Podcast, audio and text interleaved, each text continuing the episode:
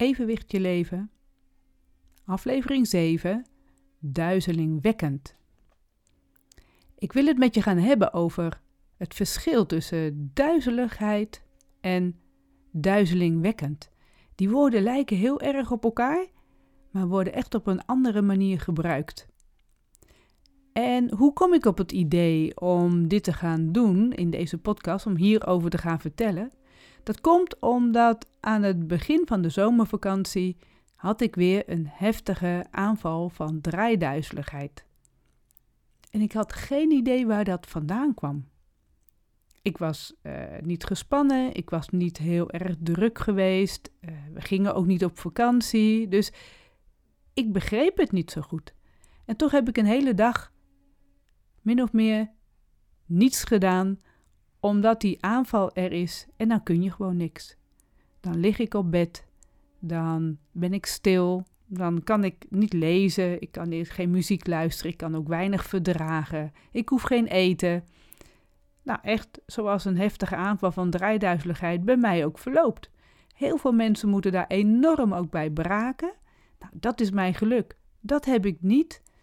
Dus ik kan gaan liggen en wachten tot het overgaat. Ik geef me over.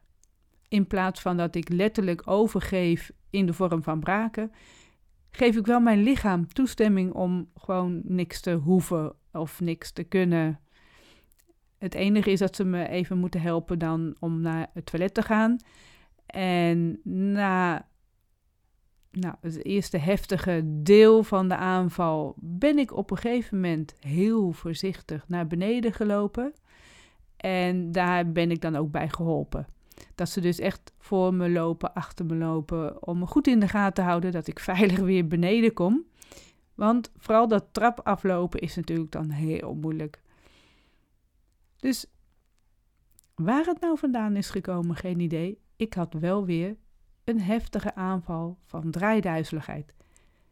En draaiduizeligheid is één van de vormen van duizelig zijn. En toen ben ik ook even verder gaan zoeken van, van hoe zit dat nou precies bij duizelig. En duizelig zelf is een bijvoeglijk naamwoord. En als je het hebt over duizeligheid, toch een verschil, dat is een zelfstandig naamwoord. En duizelig zijn kan dus naast dat draaierige gevoel, wat dus echt draaiduizeligheid is, kan ook zijn een gevoel van flauwvallen. Of een licht gevoel in je hoofd. Of wazig zijn. En er zijn ook mensen die dat noemen dat, dat ze een wankel gevoel in de benen hebben. Het gevoel dat je dus gaat vallen. Of de controle gaat verliezen. Nou is een wankel gevoel in je benen klinkt heel gek als je het hebt over duizelig zijn in je hoofd. En toch is die connectie er wel. Want als je duizelig in je hoofd bent, kan het dus zijn dat je dus dat die controle over die spieren in je benen, dat dat er dus niet is. En bij een aanval van draaiduizeligheid is dat zeker zo. Maar er zijn dus ook mensen die duizelig zijn en dat ook op die manier benoemen. En waar kun je nou duizelig door worden? Dat kan dus zijn na een klap op het hoofd, hè? of uh, dat je gevallen bent met je hoofd op de grond. Of dat je ergens tegenaan stoot. Dan kun je gewoon aan het lopen zijn en dan met je hoofd ergens uh, tegenaan. Of als je aan het bukken bent en je komt omhoog en je stoot ergens tegenaan. En het kan zo hard zijn dat je daar dus een duizelig gevoel van krijgt. Dat hoeft dus dan niet per se draaiduizelig te zijn.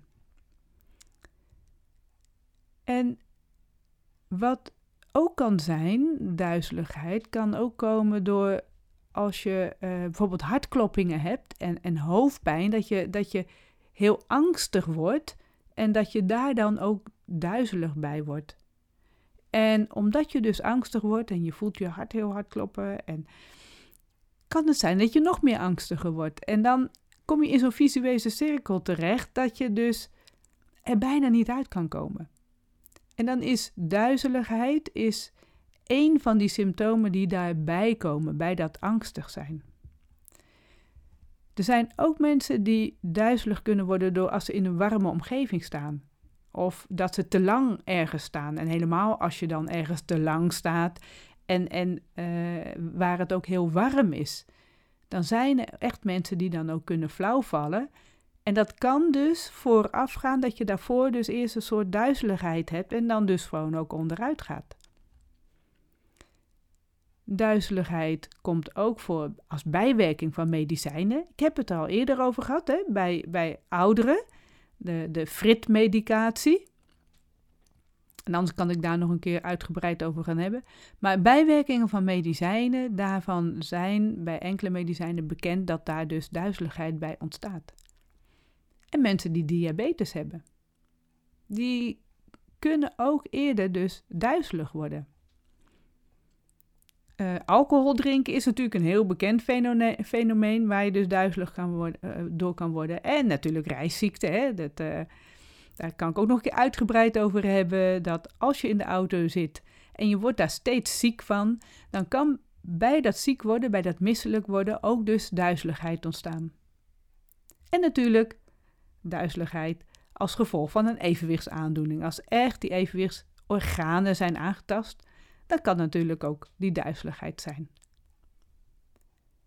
En uh, bij de bloeddruk, hè, als je uh, een hele tijd hebt gezeten en je gaat weer staan en je staat ook iets te snel op, dan kan het zijn dat je ook even helemaal duizelig wordt of zwart voor je ogen, sterretjes zien. En dat komt dan ook dat je lichaam je zich niet snel genoeg aanpast aan ja, die nieuwe houding die je gaat doen. Dat heeft ook alles trouwens met evenwichtsorganen te maken. En daar ga ik een andere keer nog op in. Want we hebben het alleen over die duizeligheid. Er zijn heel veel verschillende woorden voor duizelig zijn. Ik heb er net als wel een paar uh, genoemd. Maar mensen die noemen ook wel dat ze uh, benauwd in het hoofd zijn. Of dizzy. Of zuizelig. Zweverig. Ik heb een zweverig gevoel in mijn hoofd. En dan heb ik, dat is heel grappig als je zoekt op duizelig, dan heb je ook het woord deuzig. Dat is een dialectwoord. Eigenlijk betekent deuzig dom, onnozel. Maar dat wordt dus ook gebruikt door mensen die dus duizelig zijn. Die zeggen dan deuzig.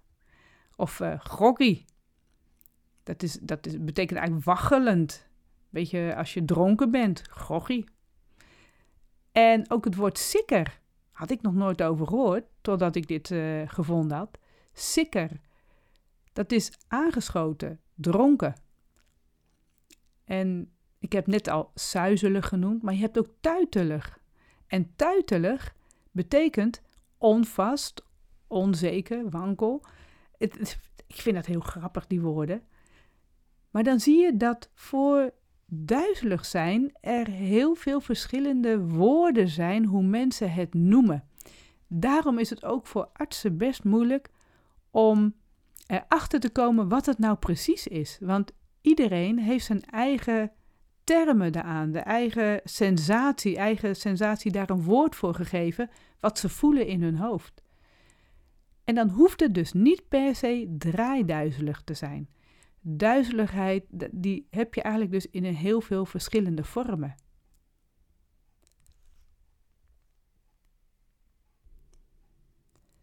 En dan dat woord duizelingwekkend. Ik heb het geschreven in mijn boek op uh, bladzijde 241 in Evenwicht in Uitvoering. Daar staat dan: In literatuur, romans en tijdschriften lees je vaak woorden als duizeling, duizelingwekkend zweverig of uit balans zijn. En dan gaat het echter zelden over evenwichtsverlies. Het is een woord dat vaak gebruikt wordt in een heel andere context. En daar wil ik nu verder op ingaan, dat woord duizelingwekkend. Ik heb het al eerder gehad over uh, evenwicht en evenwichtskunstenaar zijn in, uh, in het eerste seizoen. En nu dat woord duizelingwekkend. Dat betekent, wat doet duizelen? Nou, dan zou je denken, dat is dan toch duizelig worden. Alleen, wat doet duizelen? Dan gaat het over uh, afstanden of over hoogten, over uh, bedragen, dus over geld, over snelheid of over de stijlte, diepte of over aantallen. En dat betekent duizelingwekkend eigenlijk enorm, gigantisch. Dus uh, bijvoorbeeld met duizelingwekkende vaart. Of wat je ook vindt op uh, wiki in, uh, op, de, op internet. Toen hij, er staat er een zinnetje. Toen hij bij de rand van de afgrond stond, zag hij in een duizelingwekkende diepte van wel duizend meter. Duizelingwekkende diepte van wel duizend meter. Dan kan het zijn dat als je daar bij die rand van de afgrond staat, dat je ook inderdaad duizelig wordt. Alleen als jij stevig staat en nou ja, er is ook geen mogelijkheid dat je zomaar zou vallen, Stel dat daar echt een heel stevig hek staat of dat je binnen ergens staat uh, bij een huis en dan naar beneden kijkt. Dan voel je je veilig en kun je toch kijken in die diepte. En dat dat toch een duizelingwekkend gevoel is. Nou ja, eigenlijk dus een duizelig gevoel. Want die diepte zelf hoeft toch eigenlijk niet duizelingwekkend te zijn. Het gekke is, als jij één oog dicht zou, zien, zou doen, zou je die diepte niet eens zien. Want wij kunnen juist met twee ogen de diepte inkijken en daarom diepte zien.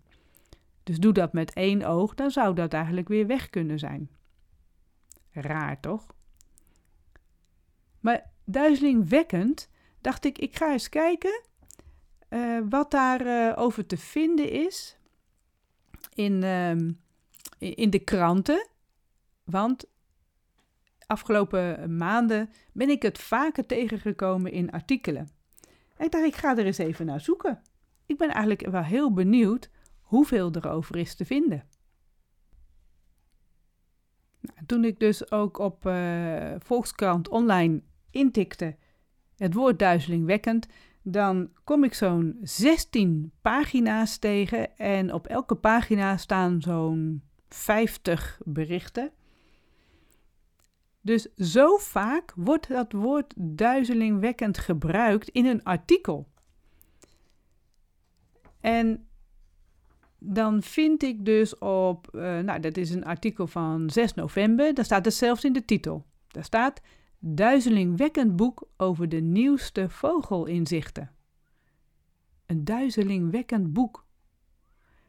Nou, dat gaat het over um, een, uh, even kijken, Amerikaanse wetenschapspublicist, die heeft dat boek geschreven. Zo doen vogels dat. En dan heeft ze het over de laatste stand van de ornithologie. Een beetje een moeilijk woord. Maar waar het over gaat is dat zij juist in hele begrijpelijke woorden en voorbeelden, anekdotes en bijzonderheden doorgeeft. Zo zijn er aanwijzingen dat wouwen en valken brandende takjes van natuurbranden verplaatsen om elders brand te stichten en zo op prooien te jagen. Nou, heel mooi weetje. En uh, de topsnelheid van een kolibrie is 385 maal de eigen lichaamslengte per seconde. Dat is tweemaal sneller dan de topvlieger, de slechtvalk. En sneller dan een straaljager of de Space Shuttle die terugkeert naar de aarde. Nou, dat is dan toch wel een heel duizelingwekkend boek. Daar gaat het hier dus om snelheid en het gaat over hele bijzondere weetjes. En omdat het zo bijzonder is, misschien wel zelfs bizar, wordt het dus een duizelingwekkend boek genoemd. Een ander uh, artikel is verschenen op 22 maart 2021, dus dit jaar, gaat het over een uh, hartpatiënt. Die, uh, een hartpatiënt loopt sowieso meer risico om te overlijden aan corona. Gaat over corona, dat bericht. En zodoende wil hij best wel snel die vaccinatie. Alleen hij heeft meerdere herseninfarcten gehad dus hij is heel bang voor de bijwerkingen van uh, de vaccinatie. En dan hebben ze het over ehm, de bloedstollingen, om, om bloedstollingen, bloedproppen in het hoofd te voorkomen. Slikt hij bloedverdunners en juist dergelijke bloedstollingen zouden een bijwerking kunnen zijn van het vaccin en daarom durft hij dat vaccin niet te nemen. Maar de geschatte kans erop is duizelingwekkend klein.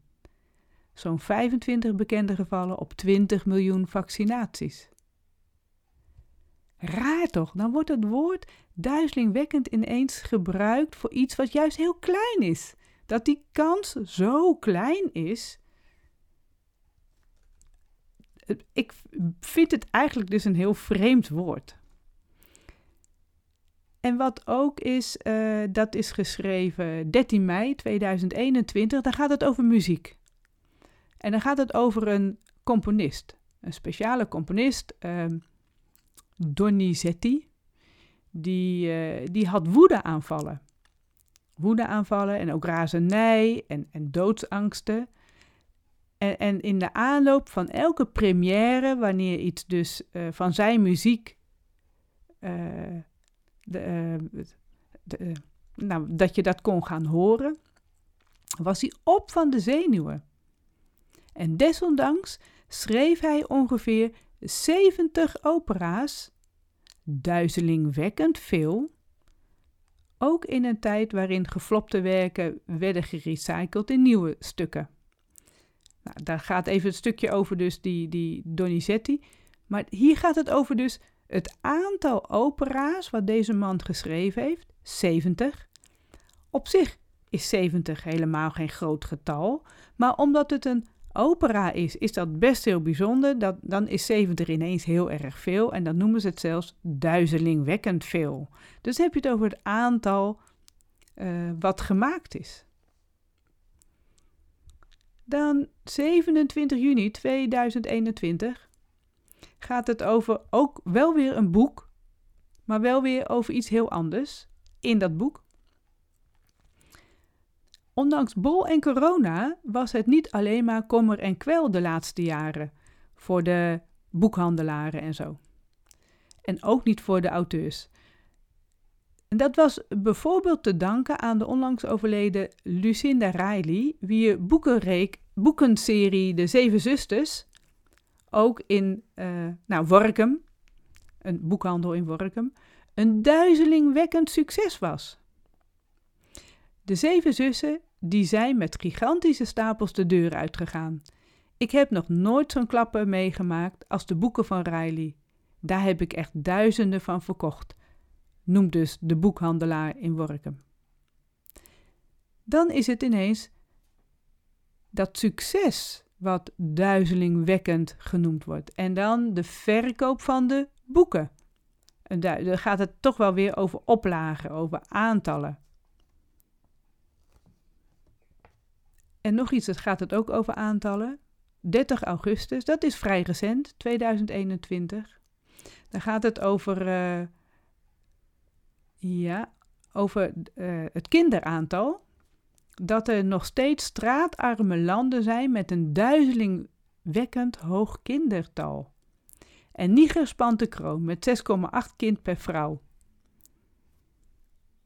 Dan heb je het ineens dus over kinderen, over mensen en dan dus ook weer dat woord duizelingwekkend hoog kinderaantal. 6,8 is helemaal geen hoog getal, maar wel als je dat dus in relatie hebt dat het uh, kinderen zijn. Hier in Nederland hebben we per gezin niet zoveel kinderen. Er zijn uitzonderingen, er zijn grote gezinnen.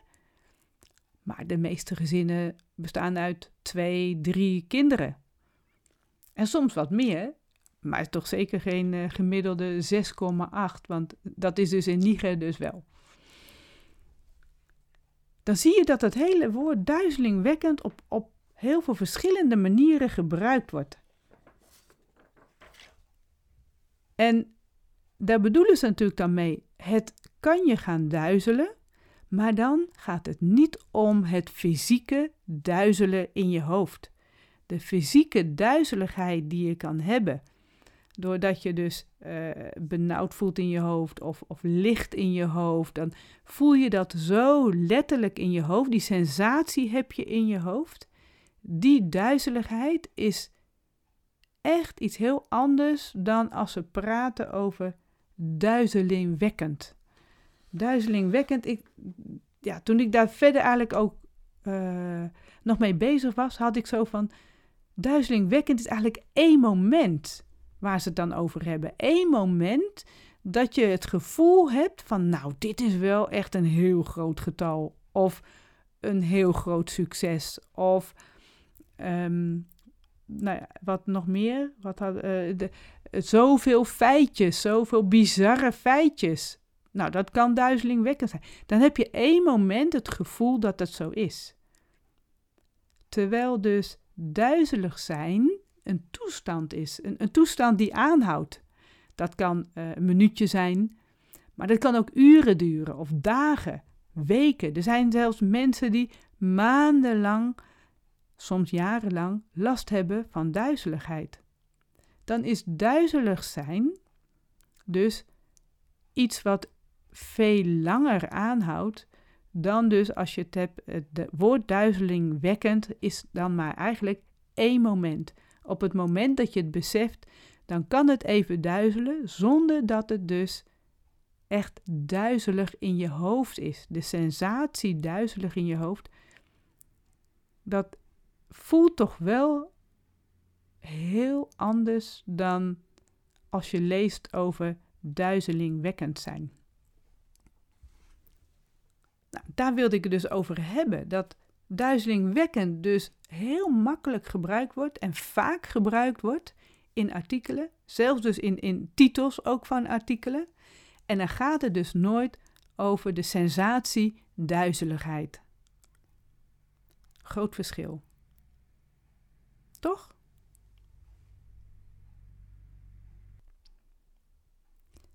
En dan wil ik afsluiten met een stukje wat komt uit, ook uit krant van Remco Kampert, die dat geschreven heeft in 2014. Dus dat is wel lang geleden. Dat is naar aanleiding van een uh, gedicht geweest. En één zin in dat gedicht is: De poot die verloopt in besterde klauwen. Nou, heel moeilijk woord. Maar het gaat over uh, sterrenstelsels. En waarschijnlijk wordt daar de grote beer mee genoemd. En dan gaat de tekst verder. Ik noem hem even nog een keer. De poot die verloopt in besterde klauwen zal wel die van de grote beer zijn. Ik neem het aan, want veel verstand van sterren heb ik niet. Ik leef op een planeet, dat is me wel duidelijk, en ik draai in een baan om de zon heen. Het is me duizelingwekkend genoeg. Als jongetje ben ik naar de sterren kijkend wel eens tegen een lantaarnpaal opgelopen. En als ik kampeerde met mijn vriendje op de Veluwe, keken we s'avonds naar het gewemel van de sterren en voelden ons nog kleiner dan we toch al waren. En soms viel er een ster. Nou, dat gevoel heb ik ook echt als ik op een donkere nacht, een heldere nacht, naar de sterrenhemel kijk, waar je dus weinig licht om je heen hebt en dus heel veel van de sterrenhemel kunt zien, dat vind ik ook echt duizelingwekkend.